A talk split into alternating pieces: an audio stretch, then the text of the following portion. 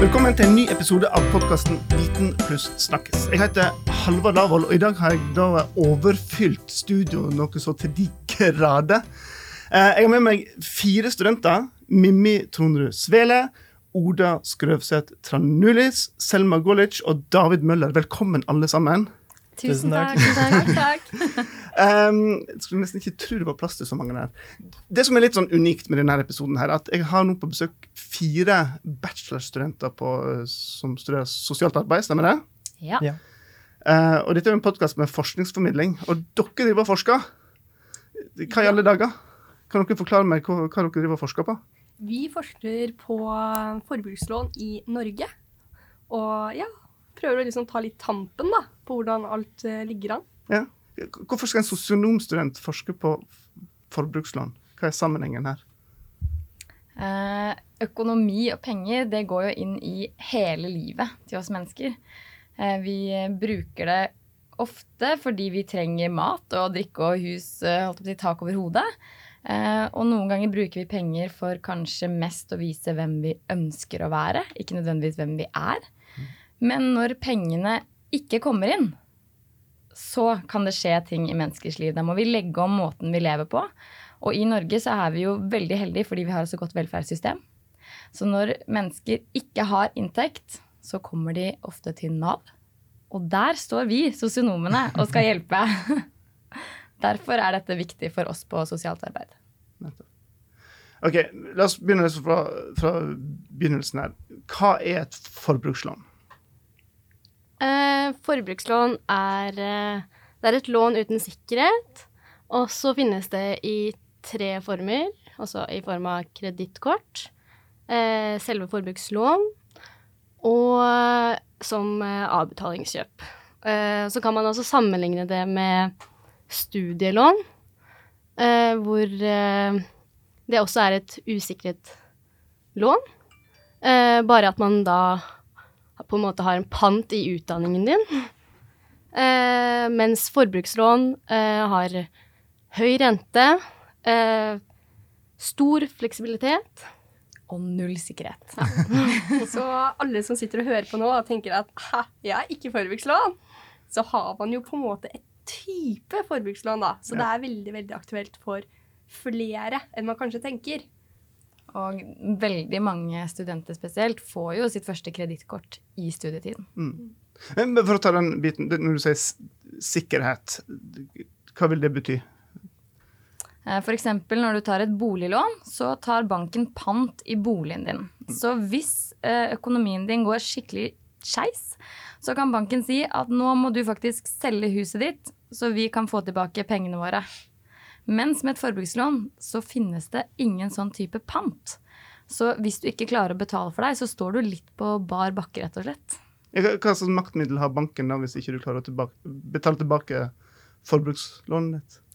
Nei, da er det ofte inkasso, da. Først, at, eh, først får du varsel. At hei, du må nå betale tilbake. Eh, så får du ikke til det. Så går det til inkasso. Så fortsetter inkassoselskapet å mase. Og så siste stadiet er vel egentlig namsmannen. Som da kan komme og ta eiendelene dine, rett og slett. Hva er vanlig eh, rente på et sånt forbrukslån? Hvis du tar et forbrukslån i egen bank og er god kunde, så kan du få forbrukslån på rundt 10% Men da er det da trenger du egentlig ikke forbrukslån hvis du er så god kunde at det er det banken kan tilby deg. Så ofte så ligger det på mellom 15 til 25, er det vi har sett mye av. Eh, og så er det ganske artig å da sammenligne med et vanlig boliglån. For da ligger jo renta mye, mye lavere. Den er på 3-2-3 kanskje. Nå er jeg litt usikker, men noe rundt der. Og da tenker man hvis man da har et forbrukslån til kanskje 20% rente, hvor mye det faktisk er. Og hvor mye det lånet vokser. Det er mye. Dette med Ja, det er mye. Jeg blir nesten litt redd. Jeg håper ikke jeg trenger å ta forbrukslån. Men hvem er det som tar forbrukslån, da? Eh, den typiske personen som tar forbrukslån, er mann i 40-årene. Men, Takk skal du ha. men de vi har snakket med, de sier at eh, de de møter, er alle mennesketyper. Det er folk med dårlig råd som trenger å kjøpe noe um, hvis komfyren f.eks. går ad undas? Eller skal det være en advokat med god lønn som ønsker å investere i uh, å pusse opp eiendommen sin? Så egentlig er det veldig spredt hvem som tar forbrukslån. Og det er det som også er litt gøy med det, er at man kan faktisk ikke se på en person og vite om den har tatt forbrukslån eller ikke. Det er som å finne ut hvem som har spist ost til frokost. Du kan gjette, men du vet liksom ikke fasiten. Uh, og det er noe jeg ble ganske overrasket over, egentlig. Over at uh, selv om det er denne mannen på 40 år, da, så kan det også bety at det er mannen på 68 eller damen på 28. Det er liksom ikke noe fasit. Dere snakker noe om at de, de som spilte mye, var en, var en aktuell gruppe for forbrukslån. Er det noen sånn, spesielt mange av de? Det er ikke nødvendigvis så spesielt mange av de, men de skiller seg ut. Og det er ofte de historiene vi leser om i mediene. Eh, fordi de kan bruke veldig mye penger på veldig kort tid. Og da er det jo gunstig med forbrukslån. Eh, og da kan man stille seg spørsmål ved ja, men hvordan i huleste klarte denne personen å ta så sinnssykt store mengder med lån? Eh, og i Norge i dag så har vi sånn at når du søker om et lån, så gjør banken en kredittvurdering av deg. Og så må du levere inn ligningen din. Eh, og det vi har fått beskjed om av noen av de informantene vi har snakket med, det er at det er veldig mye svindel når det kommer til eh, ligningen. Nå vil jo det bli endret, for nå kommer dette til å gå elektronisk fra skatteetaten. Men eh, frem til det foreligger, så har mange ljugd om dette. Og på slutten av året så kan du ha tatt opp veldig mange forbrukslån, og det vil ikke vises, for ligningen din er jo fra i fjor. Nettopp. Så sånn sett så er jo dette en måte mange har Kall det har svindlet til seg litt penger, da. Og er du, er du spilleavhengig, så er det en sykdom. Rett og slett. Og da eh, blir fristelsen litt for stor til å bruke veldig mye penger på kort tid. Mm. Og så det med at eh, banken må jo stole på at kundene forteller sannheten. Det er litt av det samholdet mellom en kunde og en bank. Det må gå tillit til begge veier. Og ja, man kan liksom Man må stole på kunden, og da kunden greier å lyve, og den viser at ja, den har jo en jobb, i all forstand så skal den jo greit greie å betale ned det forbrukslånet. Men banken ikke vet at den har allerede fem andre forbrukslån. Det er jo da problemene skjer. Og så kan man også stille seg spørsmål ved begynte pengeproblemene før personen tok opp forbrukslån, eller fikk personen problemer som en konsekvens av forbrukslånet? Har du funnet svar på det? Absolutt ikke. det blir neste prosjekt. Men, men, hvor stort omfang er dette med forbrukslån i, i Norge? Det er uh, stort. Det vokser jo for uh, hvert år. Det blir bare mer og mer aktuelt. Og så har vi et lite uh, eksempel. Uh, tilbake i tid, da. noen år tilbake. Så hvis noen hadde økonomiske vansker, så betydde ikke det at det hadde noe med forbrukslån å gjøre. Men i dag så er det nesten Du kommer ikke bort fra at det har noe med det å gjøre. Så over veldig, veldig kort tid så har det tatt over, da. Og det viser jo en utvikling som er meget høy. Og hvis det fortsetter, så ja. Så det, det blir større og større for hvert år. Mm. Ja, vi snakket med Finanstilsynet, og de kunne informere oss at uh, i perioden fra uh, eh, 2011 til 2016 så har uh, gjelden økt i alle aldersgrupper i samfunnet. Rett og slett. Og det de så på som urovekkende i den forbindelse, var jo det at vi har jo vært veldig heldige med en kraftig boligprisvekst i Norge. Og det har gjort at man kan ta forbrukslån, og så kan man bake dette inn i boligen sin. Nå virket det som at det er veldig enkelt. Det er veldig få banker som godkjenner at, å bake inn forbrukslån i bolig, men man kan gjøre det.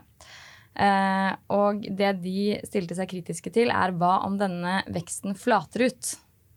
Årsaken til at vi må ha 15% egenkapital, er jo rett og slett for å sikre at vi skal eie litt av boligen vår selv, og ikke skal kunne belåne fullt tilfelle en finanskrise, tilfelle at markedet stopper. Nå har dere vært litt inne på noen eksempler her, men er det, er det, er det flere problemer med dette med forbrukslån eh, som dere har kommet over? Um, selve forbrukslån er jo ikke nødvendigvis et problem. Det er jo når uh, kunden ikke har mulighet til å betale det tilbake, at det kan føre til problemer. Og så er det jo også sider ved forbrukslån eh, som kan være pro problemet. Eh, sånn som Oda sa, da, eh, ved at vi ikke Var det Forbrukertilsynet fortalte at eh, det er en sårbarhet i alle forbrukere. Eh, at vi eh, ikke er rusta nok til en eventuell økonomisk krise. Det er en økonomisk vekst da, som skaper en sårbarhet hos alle forbrukere. Så man er ikke rusta nok til å en eventuelt renteøkning eller eh, boligutflatning. Uh, ja. Uh, også det med at det på en måte ikke bare er noe negativt, da. Det kan være en eh, 35-åring, 35-årig mann som ja, rett og slett tar en tidlig ferie. da. Fant opp, kom over noen kjempebillige flybilletter til Thailand i februar. Vet han får feriepenger. Det her går kjempefint. Null problem. Dette fikser han. Tar opp forbrukslån, koser seg så mye på ferie. Men noen måneder senere så kommer han i en ulykke. Eller det er et eller annet som skjer da, som han ikke så komme. Og det er da det er et problem. Hadde ikke det skjedd, så hadde du gått bankers. Mm. Men pga. denne uforutsette tingen, da, så blir det negativt. Så det er jo utrolig mange som har forbrukslån og betaler det ned uten noe problem. Og det er også viktig å bemerke seg. Og så, ja. Og så, sånn som vi sier, da, at det skjer noe uforutsett i livet. Altså ved tap av inntekt i en periode, eller at du blir arbeidsledig. Du får det liksom ikke til å gå rundt, da. Og så tror jeg at eh, noen av de vi har snakket med, har også påpekt det at eh, vi sånn, At eh, familien er som en liten bedrift. Og hvis det skjer noe i familien, en uforutsett hendelse, så er det viktig at vi snakker om det. Eh, og det er det dessverre noen som ikke gjør. Og så vil man at det skal gå bra med bedriften, familien. Og så tar man opp forbrukslån i skjul. Og så blir dette, får dette ringvirkninger rett og slett for hele bedriften. Fordi at eh, mor og far ikke tar den samtalen. Og det er jo noe vi har diskutert oss imellom også. Er økonomi noe vi snakker om? For som student så er det jo interessant å Eller nesten litt kult å si sånn Jeg er så fattig, ass. Jeg har levd på havregryn en hel uke. Shit, ass. Ikke sant? Men etter hvert som du får jobb, eller i det du får jobb, da skal du ha råd til alt. Du skal kunne få bolig ganske kort tid etter at du har kommet ut i fast arbeid. Du skal ikke lenger kjøpe First Price-produkter. Eh, og du skal kunne leve det livet foreldrene dine lever. Mm. Men det er ikke realistisk. Nei, sant. Men ikke, det er vel fordi det, det med personlig økonomi er liksom intimt og privat, og jeg har ikke lyst til å dele så mye av det. Ja, og så er det jo det med at hvor stor ehm, Hvor mye sosiale medier spiller en rolle i dagens samfunn. For før så kunne man ikke se hva en person på barneskolen gjorde. Men nå så har man en mulighet til å holde kontakt med så utrolig mange fra hele verden. Hele tiden. Og da gir du jo Du skal sammenligne deg så utrolig mye.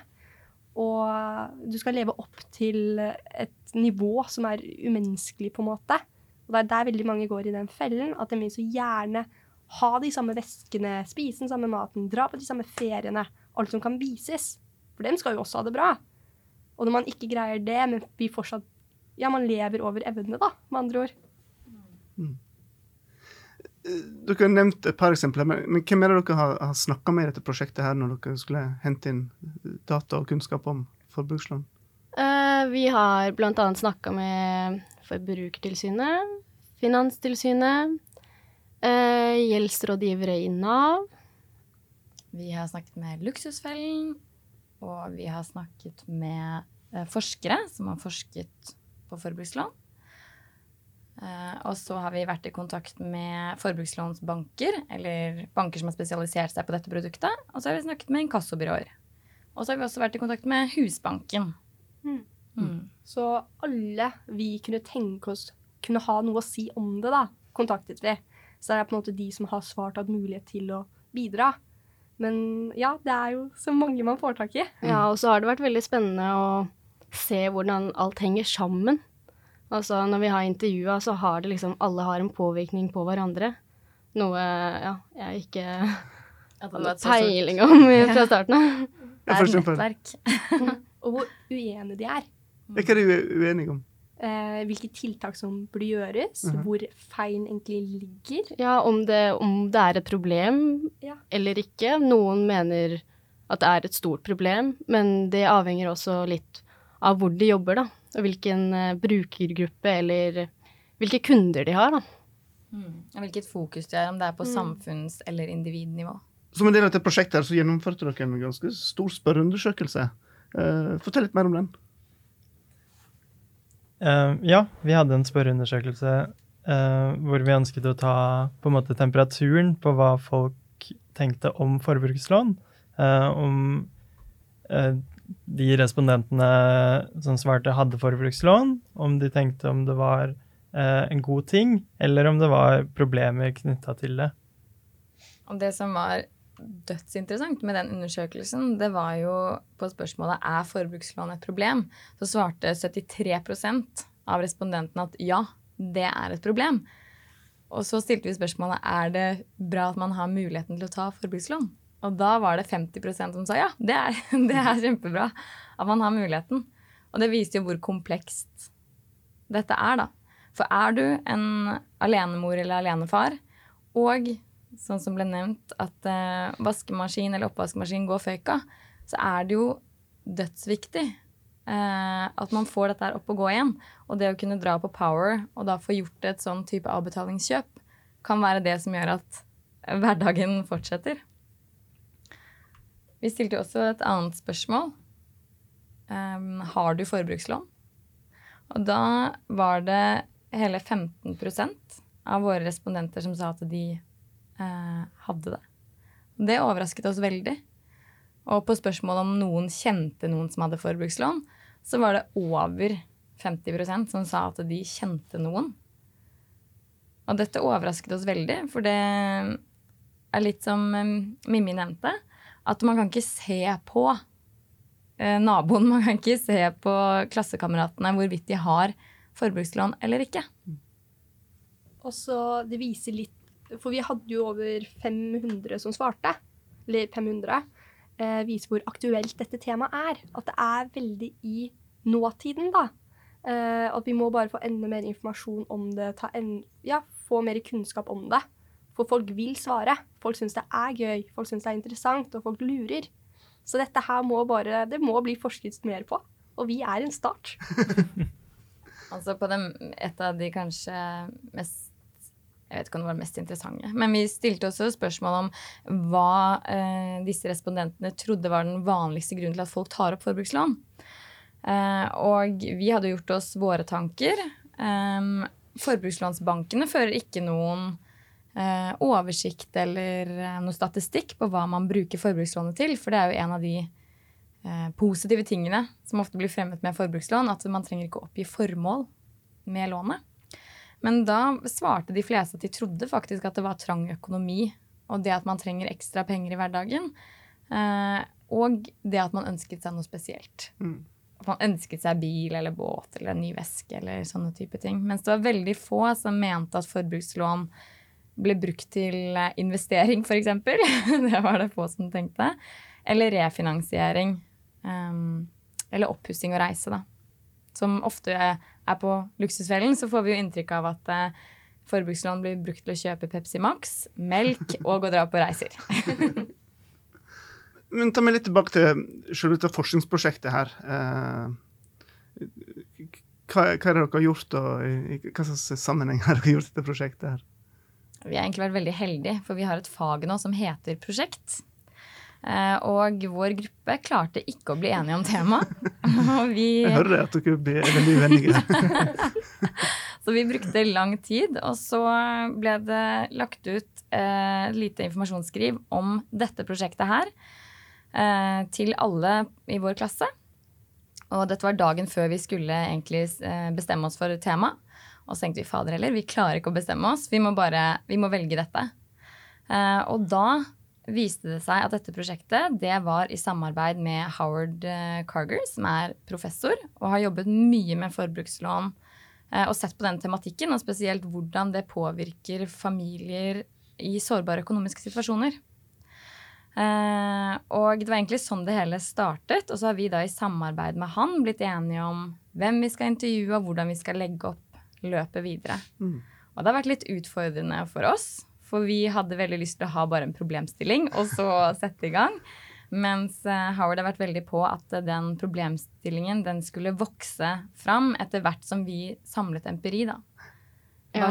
Ja. Ja, og så har det vært litt sånn hvor er sosialt arbeid i det hele? Vi har eh, Ja. Vi følte kanskje en liten periode at vi burde gått på NHH eller hatt en helt annen bakgrunn enn det vi har. Og så var det veldig gøy også å se hvor gøy det var. Jeg skulle aldri tro at jeg syntes økonomi skulle være gøy. Herregud, nei! Det er jo så gøy. Men det har blitt skikkelig spennende å lese artikler og lese alt. Det er bare, nei, det gir så mening, da. Mm. Og det er det som er så gøy. Så det er absolutt et tema eh, man burde lære mer om generelt. Vi sa jo det i stad, at, dette hang så sammen. Vi hadde ikke kunnskap om at forbruker, rettighet og likestillingsavdelingen er de som arbeider med markedsføringsreglene. Eh, I samarbeid da med Forbrukertilsynet. Eh, og at det er de som setter regler for hvordan man kan markedsføre forbrukslån i Norge i dag. Vi hadde heller ikke kunnskap om at det er Finanstilsynet som er med på å utvikle veldig mye av lovverket.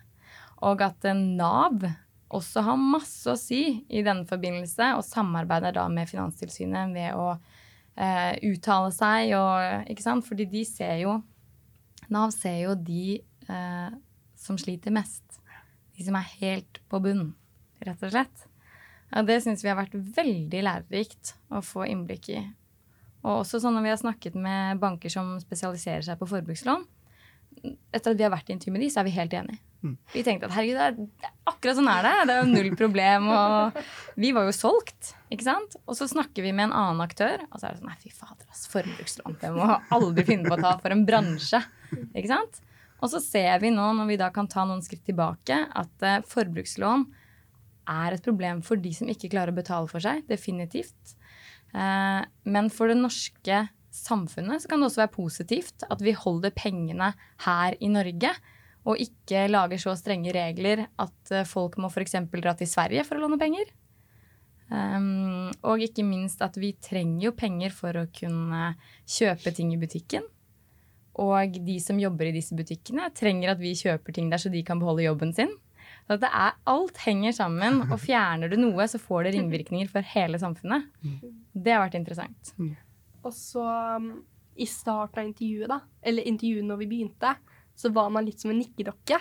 Fordi man var så naiv, og man trodde så fælt på alt. Sånn som Oda sa, at bare ja, men ja, jeg er enig. Eh, og nå så kan man på en måte reflektere over alt på en annen måte, for man forstår denne helheten og denne ringeffekten og liksom alt. Eh, så det har vært veldig gøy de siste intervjuene, for da føler det som at jeg sitter der med litt grann makt. Og jeg kan stille spørsmål som bare Ja, som er mye spennende og gøy, da. Så dem også tenker litt mer på. Så det har vært veldig, veldig spennende. Mm. Ja, så bra. Men eh, når dere skal ut i eh, yrkeslivet her, da, blir det spesialisere seg på eh, klienter med, med økonomiske problemer? Absolutt eh, ikke. Eh, veldig, veldig gøy å ha kunnskapen, men det er jo også Det har vi lagt veldig merke til. Um, at det er jo behov, behov kanskje for enda mer kunnskap.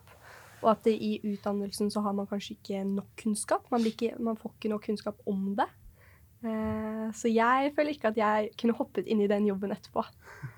Jeg tenker at uansett hva vi jobber med, så kommer det til Vi kommer til å jobbe med mennesker som har en økonomi, og hvis den er dårlig, så kan det påvirke alle deler av livet. Eh, Det kan, som vi nevnte i stad, kanskje føre til psykiske problemer. Um, og det er viktig at vi snakker om det, fordi som sosialarbeider så kan det hende at man ikke tenker at økonomien er det viktigste å spørre om, men det kan hende at det er hele grunnen til at personen sliter. Og derfor er det viktig med kunnskap om forbrukslån også, og privatøkonomi generelt. Veldig, veldig enig med David der. Det å tørre å stille de litt ubehagelige spørsmålene er kjempeviktig. Eh, Det er jo også sånn som vi har diskutert, at uh, mennesker går f.eks. til psykolog, og så stiller ikke psykologen spørsmål om økonomien. Så kan man ha vondter i kroppen og magen og overalt, og så er det kanskje rett og slett det at um, hverdagen så halter man så mye, for man, får, man klarer ikke å holde hodet over vann da, økonomisk. Mm. Uh, personlig så har jeg kjempelyst til å jobbe med økonomi. Jeg syns det har vært eh, dødsmorsomt, egentlig helt fra starten. Og det å jobbe som gjeldsrådgiver i Nav eh, ser jeg på som en spennende utfordring. Men jeg kunne også tenke meg å kanskje jobbe litt med eh, skolering når det kommer til privatøkonomi. Og kanskje kunne fått muligheten til å reise rundt på skoler eh, og snakke med videregående elever, da om penger. Eh, For vi har lest en del forskning om det at eh, vi snakker ikke om penger hjemme lenger. Fordi at vi i Norge har nok av det. Sånn at eh, det er ikke et spørsmål hjemme. Vi vet ikke hva en kartong med melk koster. Men alle vet hvor mye den nye iPhonen koster. Men alle vet ikke hvor mange timer man må jobbe for å ha råd til denne iPhonen. Og det er litt sånne ting som hadde vært interessant å tatt med videre ut på skoler og fått diskutert og ja, satt det litt i sammenheng. Ja, for det har jo kommet frem at um, ungdom og mennesker generelt da, har ikke nok kunnskap om økonomi. Uh, I hvert fall ikke privatøkonomien sin. Uh, og da har vi fått vite da, gjennom alle intervjuene hva alle har ment at uh, flere mener at det burde komme inn før. Det burde mye større fokus på det i skolen. Eh, ja, sånn at man lærer mer og man er forberedt når man flytter hjemmefra og man plutselig skal stå på egne bein og vil jo gjerne klare det selv. Og da må det ofte starte på skolen og starte hjemme. At det må spille en mye større rolle, da. Og ikke minst at sparing er viktig. For som Hallgeir Kvadsheim sier, at å ta forbrukslån er det samme som å pisse i buksa for å holde seg varm. Det høres ut som dere har sett mange eh, episoder av Luksusfellen. Om vi har. Men helt til slutt, eh, hvis dere skulle komme med ett råd om ikke, en regulering eller lovendring eller en, en, noe justering, hva, hva ville dere ha spilt inn som en viktig endring eh, her for å gjøre situasjonen bedre rundt temaet forbrukslån? Eh, I 2018 har det kommet eh, flere tiltak som er eh, for å bedre situasjonen. Som f.eks. at bankene ikke kan gi ut lån på mer enn fem år. Og videre i 2019 så kommer det enda flere retningslinjer om hvordan disse lånene skal være. Jeg tror de, det mest revolusjonerende nå blir gjeldsregisteret. Eh, gjeldsinformasjonsloven, som eh, eh, Datatilsynet har satt litt kjepper i hjulene for, rett og slett. Men nå er, skal det komme opp og gå i løpet av neste år. Og da, det vil jo gi bankene mulighet til å kunne finne ut om kundene har lån i andre banker, og hvor mye lån kundene har. Slik at de har større mulighet til å kunne si beklager, vi kan ikke gi deg lån. For her ser vi at du har tatt opp eh, Du har fire kredittkort og tre forbrukslån i andre banker. Dessverre. Men allikevel så ser vi at det gjeldsregisteret er jo ikke helt optimalt, fordi det gjeldsregisteret som nå kommer, det omfatter bare forbruksgjeld, Mm. ikke gjeld som har gått til inkasso. Det, boliglångjeld er ikke der, studielångjeld er ikke der, så du får liksom ikke sett hele bildet. Absolutt. Ja, altså, det kommer jo veldig mange nye ting, da, i løpet av 2018. ting. Eh, men man, det som er litt skummelt med det er at man vet ikke hvor mye det påvirker. For man vet ikke hvordan det hadde gått hvis det ikke hadde kommet. Og man vet ikke hvor mye mer som må gjøres. For det er Ja, man greier ikke å vite hvor mye det kan påvirke, da. Eh, det burde komme noe at eh, det skal inn i skolen. At man må lære det. At det skal på um, timeplanen. Syns jeg. Jeg tror at man kan godt eh, Det er jo mange som foreslår at man kan sette et tak på um, Altså et rentetak. Eh, men de bankene vi har vært i kontakt med, sier at hvis man setter et sånt eh, type rentetak, så er det ikke lønnsomt for de å i det hele tatt ha produkt- og forbrukslån. For de skal også tjene penger på dette. Eh, og hvis man setter et rentetak, så blir det veldig mange kunder som ikke er aktuelle for banken å ta inn i det hele tatt. Og spørsmålet er da hvem skal hjelpe disse kundene som trenger penger? For forbrukslån er et gammelt produkt, og det å kunne ta opp et lån uten sikkerhet er noe mange faktisk har behov for. Men da vil man plutselig stå utenfor eh, markedet.